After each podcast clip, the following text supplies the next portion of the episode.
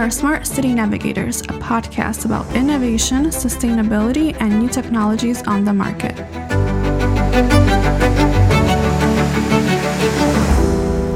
This podcast is brought to you by NaviParking.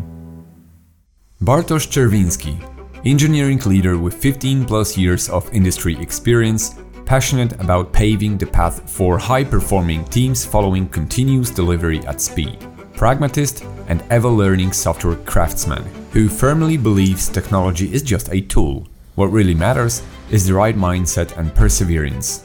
Former CTO at NaviParking, responsible for product engineering team expansion at an international scale and leading continuous agile evolution toward product revolution, a scalable parking platform of platforms. Co-founder at Shaped Thoughts, a boutique software house that ships great software. Let's welcome Bartosz Czerwiński in today's episode of Smart City Navigators podcast. This episode is a continuation of part 1, the episode about cybersecurity. If you are interested about part 1, make sure to click the link which is in the description below.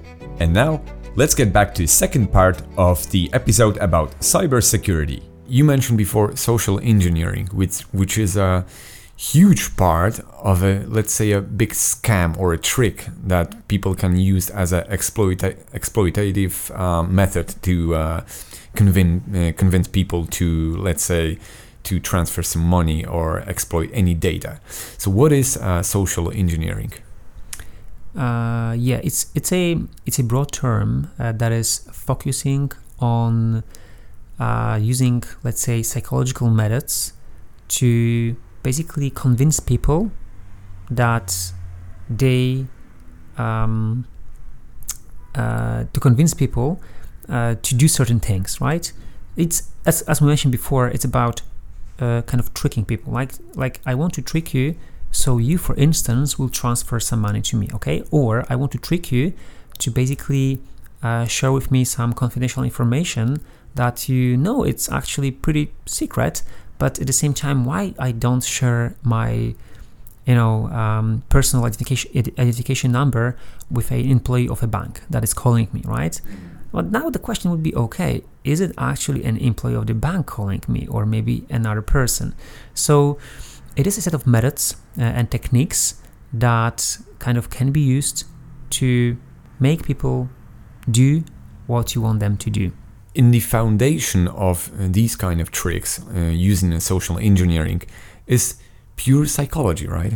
It's about talking to someone, right? It's about sending them a message or just, you know, doing something that will actually guide you towards a again desire desired uh, kind of activity that this person wants you to perform to get to the target let's go back to uh, 80s and 90s uh, where one of the famous most famous hackers kevin mitnick actually the most uh, famous hacker in the world uh, he actually uh, used social engineering uh, techniques to basically hack people right? He was not hacking systems. Of course he eventually got access to different systems and data sets source code like proprietary source code source code from the biggest players at that time by just hacking people so he managed to use uh, different psychological tricks, and actually there are people uh, who call a Mitnick a soci- sociopath.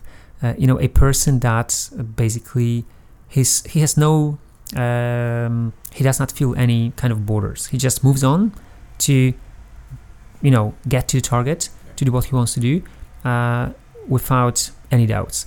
And um, as I mentioned, he did manage to get secure information, passwords, you know, many many data, uh, many types of data that he then used to get access to a system, right? And that was done primarily, uh, you know, by talking to people over the phone or even in person, uh, being in certain places, and using the fact that all of us are vulnerable to very simple things to meeting people who just feel that we feel we trust from you know just even the first uh, the first meeting and then being kind of put towards uh, a number of steps that in total form an attack and lose data, right? Or lose money. Hmm.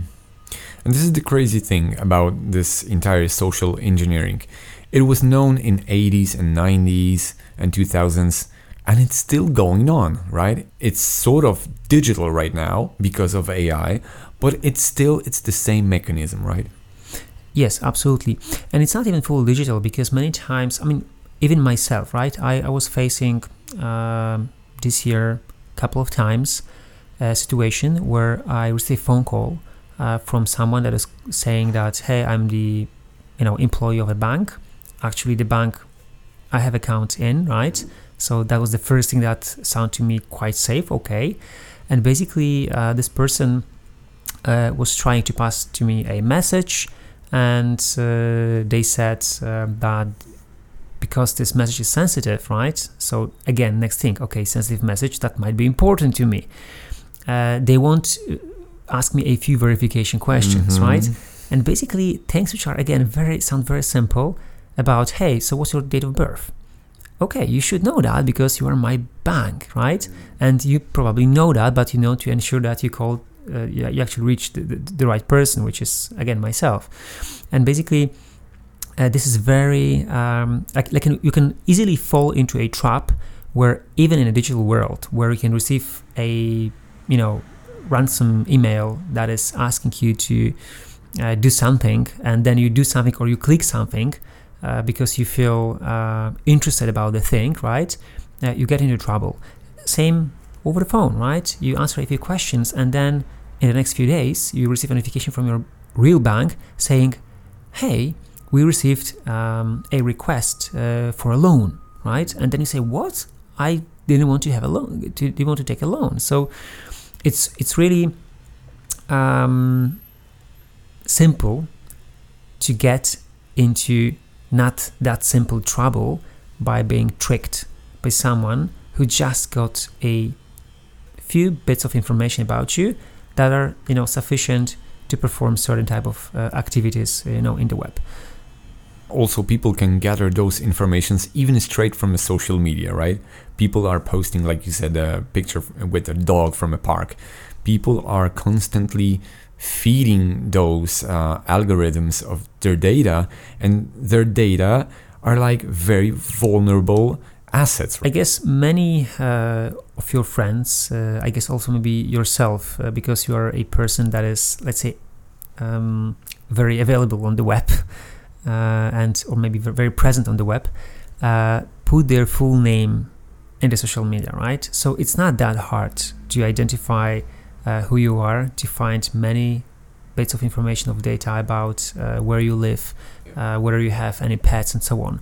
So, if you look at, for instance, um, popular um, mail providers, uh, there is a security mechanism uh, that is known from again many years back, 90s, about a security question. Right. So, if you lose access to your account, then you can use security question to retrieve the access or at least go through a path of getting or resetting the password.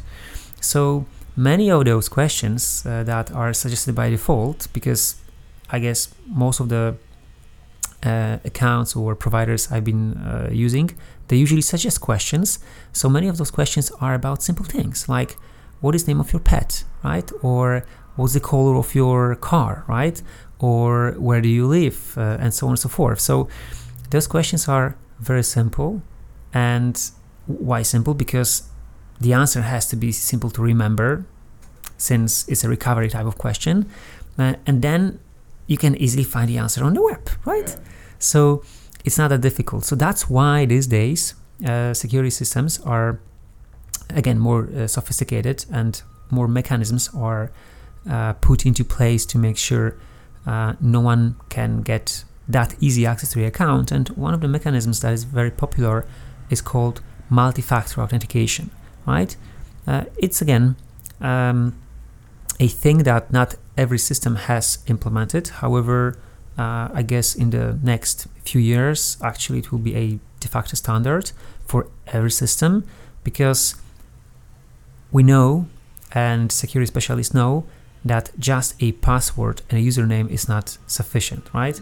In the past, uh, yes, it was, I guess, uh, less difficult to, uh, maybe not less difficult, but uh, it was basically more secure since uh, if the password is complicated enough, it wasn't that easy to get access to it. However, these days where the data is traveling around the world and you can much more easily, for instance, uh, even get sometimes in the middle. Uh, there is even an attack called man in the middle attack, where someone wants to get in the middle between you and the system somehow to basically steal the data, right? Or steal the access tokens. So with multi-factor authentication, uh, we ensure that even though you know the password, uh, even though you know the username, uh, if you, for instance, uh, access your account from a new device, uh, then the system detects that and says, okay, give me the second factor, which can be a one time password or some kind of security code. So, even like by default, uh, you can say uh, to your kind of system that, hey, every time I log in, ask me about password and the secret, right? Mm. And the secret can be again uh, one of the um, like authenticator app, uh, one-time password, uh, a security device, even physical security device, but basically something that you know you only have right access to. At least that's what you what you think. so is there is there any other like tips for people who are listening to this podcast how to protect ourselves or even do you have any like um, advices for companies for startups for organizations how they can protect their data? When you talk about users uh, the the first thing to be um, kind of aware of is that uh, by default you can't trust your device okay? It basically anything can happen. Even though you may be super aware and secure in terms of what what not to click, what not to open, what messages not to read. Uh, you can give your device, you know, to anyone like your friend or your child and say, okay, just play around. Uh, you know, there is a new game I just downloaded. You can use it, and then in that game there is an advertisement uh, being presented that this person clicks and actually it navigates you towards a malicious website uh, that will download malicious software and then you are done right so you don't even know that potentially someone has installed uh, a, a, uh, software uh, that can, in the next number of days or weeks, steal your data. So, first of all, you have to be cautious. That's first rule, right? And these days we receive tons of messages from everywhere social media, emails, uh, websites, you know, ads, uh, banners. Basically, data is everywhere, and also uh, malicious data and software is everywhere. So we have to be we have to be cautious that I do not open things I don't know, right? Mm. And again, it's difficult because if you receive a message, uh, as you mentioned before, as an example, uh, about a package that you expect, uh, and then you see, okay, there is a message that asks me to do something about my package, then you can easily fall into this trap. But you have to be cautious by reading it carefully. Okay, what does it say, right? Because quite often uh, like we live in Poland, and most of, I mean, actually all companies uh, that you uh, can, let's say, use to order a package, they will communicate you with, they will communicate to you in Polish, right?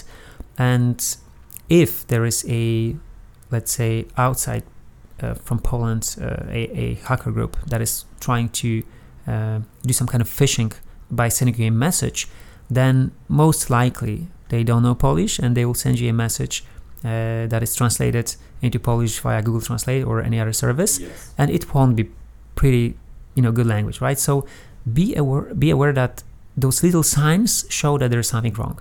Of course, uh, when we talk about web, we have to talk about links, hyperlinks. Uh, those links are always uh, looking strange, and when there is a strange link, it means that okay, shall I trust it? Most likely not. So again awareness right as the first thing and uh, staying uh, vigilant uh, about the world around you that that piece of information may not be actually uh, the one i'm looking for. Uh, secondly um, especially let's say i mean both power and non-power users but basically users that uh, know that they they are not like tech savvy people, use anti-malware, antivirus software. It's good to have something installed uh, on your device, even on mobile phone, and um, make sure that there is something that is actually looking, you know, towards activities that may harm you or your device. that is also a, a very good practice because that software was designed to protect you, right? and uh, even going like further uh, towards uh, kind of software if you look at your computer most modern systems they offer firewall. It's a software that actually is intended to protect your computer against malicious traffic coming from the computer network, not only internet, but even like local network, because you can imagine that your computer that you have uh, on your desk uh, might be infected because someone like it can be you know super clean but then someone is coming to the office with infected computer puts that computer on the desk connects to the same network and then that infected computer can actually execute uh, malicious code to detect other devices on the network and see whether those devices actually have some vulnerabilities that could be used to get access to it, right? And then install some or inject some um, malicious software. So uh, it's really complicated, right? So that's why um, you know not turning on services you don't know, uh, not installing applications you don't know, and even if some, if it's something fancy that you know someone sent you, hey, there's a new app, a new game, just try it out.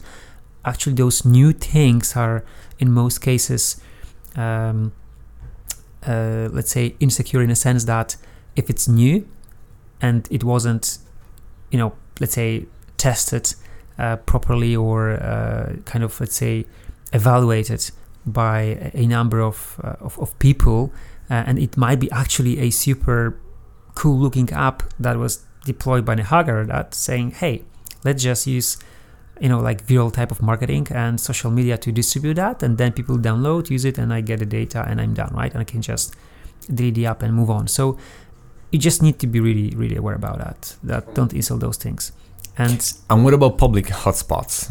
Are, are they safe or hotspots in cafes in public places? Anything that is in public is unsafe by definition especially when you can get access to an unsecure network uh, like you know wi-fi uh, because many of them they are uh, they, they don't even use encryption um, in terms of traffic right? So basically when you connect to a hotspot uh, and you see on your computer that this and again most modern systems they do tell you whether you're connecting to a secure or insecure network. And this secure versus insecure it doesn't mean a total security but it means whether uh, the transmission between your device and a hotspot is encrypted. If it's not encrypted then the risk is even higher. Why? Because if there is um, a, a person that wants to like a person that wants to get any information about anyone, uh, this person can get next to the hotspot, turn on their laptop with a dedicated uh, you know device card in a promiscuous mode and basically listen to the traffic in the air, right? Because we know that these days uh, Wi-Fi at home, at work, hotspot, and so on is the standard used for transmitting data, right? People do not use cables. I mean, actually, I do use cable at my home, but for not only security reasons. Mm-hmm. However, um, if you stay, you know, in public, it will be like a wireless connection. So that data travels there somehow, and if it's not encrypted, then believe me, basically whatever is being sent between your machine and there, uh, you can read that information, right? And of course, here we have, let's say, additional layers of security and we can talk about encryption of um, data being sent between your browser and the server. So, for instance, when you connect to your even you know like mail provider or um, online transaction service uh, from your bank, and then of course uh, those companies they do offer a TLS or SSL type of security uh, that basically ensures that the traffic between the server and you as the end user is encrypted, and that means that the data if you were like connected to a hotspot that is public without encryption, then with the encryption that your provider gar- gar- guarantees between your browser and the server, you still would be much safer, right? Because you cannot easily read the data. However, still you can see the transmission uh, that is happening. So yeah, it's these are very risky places. So first of all, uh, do not perform any uh, activities in that networks that can uh, like that that are kind of let's say secret secure right for instance if you if you wanted to do a money transfer uh, to someone uh, in a hotspot public hotspot that is pretty insecure in a sense that it can it may not be even a user that is trying to connect to your device or somehow steal the data in between but it may be also a person standing behind you. And looking at your keyboard right? What do you type or even what's the you know um, amount of money you, you, keep on an account because it's not that difficult to just watch your screen uh, when you are nearby. So and here we talk about physical security right? How to protect against those those yeah. things. So essentially in public hotspots if you want to just do some browsing read some news and so on that's pretty much okay. Uh, but also be aware that uh, many uh, many um, kind of companies that uh, provide um, web services like websites, they still do not rely on uh, certain security mechanisms protocols that protect your da- that protect your data. You know, traveling from your browser to uh, to that hosting provider, and, and and that's sad, right? Because there are you know tools and standards they could implement, but basically they don't. And then you feel that okay, I'm you know in a hotspot connecting to your website, but because you didn't check it's not encrypted, right? And it's using HTTP protocol, not HTTPS, then basically anyone sitting there who has a skill can see what you are reading, right? And if you read like I don't know a portal about politics, maybe right this person will actually see um, what is the party you are voting for or whatever. But it's a again it's a risk because easily getting information uh, about your life uh, is is something we don't want to happen. Hmm. And there's a one uh, very simple workaround for uh, let's say for solution for public uh, hotspots. I use my own hotspot, right? I just share my internet from my phone to my laptop when I'm on public uh, public places. Yeah, it is a solution, but you also have to be aware that um, by using your own hotspot, you still connect you connect to the network uh, via, in this case, your uh, mobile provider, yeah. right? And uh, this, uh, let's say, hacking into a hotspot uh, which is uh, Wi-Fi based is much easier. Basically, technology is simpler and it's accessible to anyone. You can buy a card for about I don't know, you know, 20 bucks, and use that card uh, as I mentioned before, in a promiscuous mode to actually uh, collect data from the air uh, with uh, LTE networks or even you know uh, 3 or 4G. Uh, it's not that easy, but also there are technologies, right? But of course, they are not that accessible and super expensive. So essentially, if there is a you know homemade hacker that wants to just go around and you know get access to uh, to the data in the air that is being transmitted from your mobile to the network, it's much more difficult. But definitely, uh, this way you can stay much more secure because you use your own hotspot. And why it's more secure? First of all, because it's not only about you know the kind of security standards and encryption that is being uh, implemented by the provider, but it's also because it's only you using this, right? And if there are no other devices on the network, then um, it's harder to uh, perform basically attacks on your device and yourself. Hmm. Okay, so we have a personal security, and what about the company's security, company's data? How companies uh, supposed to protect the data? As I mentioned before, uh, the weakest link uh, in a security systems is human being, right? They are unpredictable. So one of the things which um, may sound pretty simple is to make the users uh, and employees of a company aware about securities like first of all security procedures security uh, mechanisms that are implemented are, on, are in place but also about potential security threats but also security threats that actually happen, right? And um, this awareness, which also includes training uh, staff, uh, and here we talk about you know like regular users being trained how to use antivirus software or how to use some other type of uh, security software, but also training uh, professionals like engineers how to write a code so it's secure, right? Or how to uh, use I don't know security scanners to ensure security. Uh, this is something that uh, should be essentially present in a company to make sure that the information about, again, overall security is kind of spread and people increase their, aware- their awareness. Also, hiring professionals that can perform security audits to check the infrastructure or check your, you know, applications, products you are building, whatever, is pretty important uh, because uh, the fact is that even you have you know a super um, skilled developers engineers that are building your product uh, rarely they do are that skilled in security right it's basically a trade that requires a lot of um, learning uh, requires a lot of effort to understand how systems work uh, you know top down, right? Uh, and uh, the, the, kind of difficulty also lies in the fact that there are every day there are many new threats coming, and you just need to stay up to date.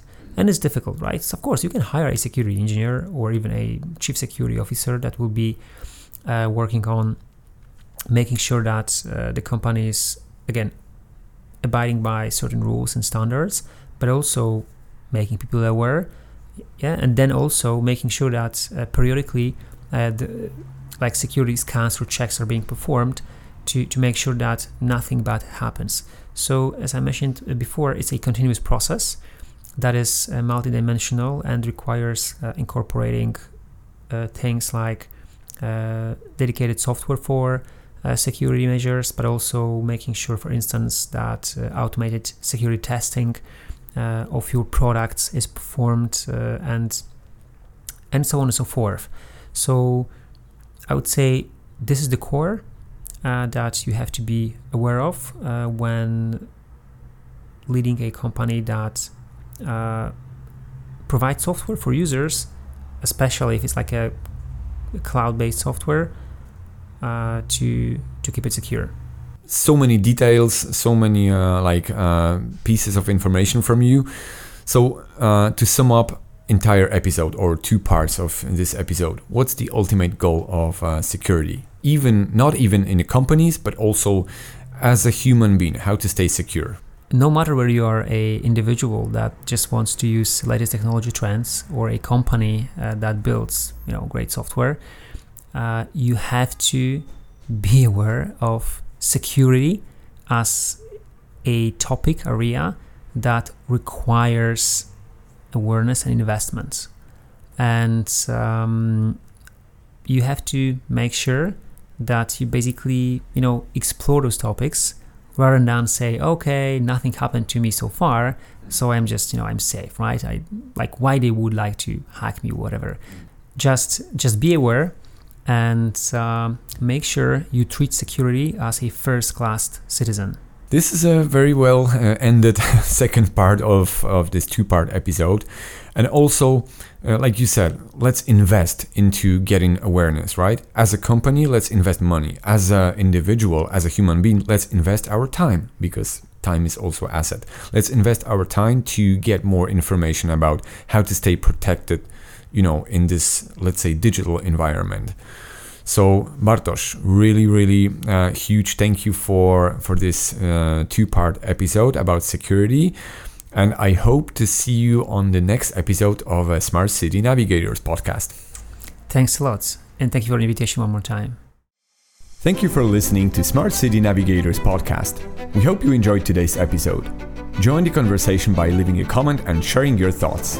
And don't forget to subscribe so you don't miss the next episode, in which we'll do another deep dive into a topic related to innovation, sustainability, and new technologies. See you next time.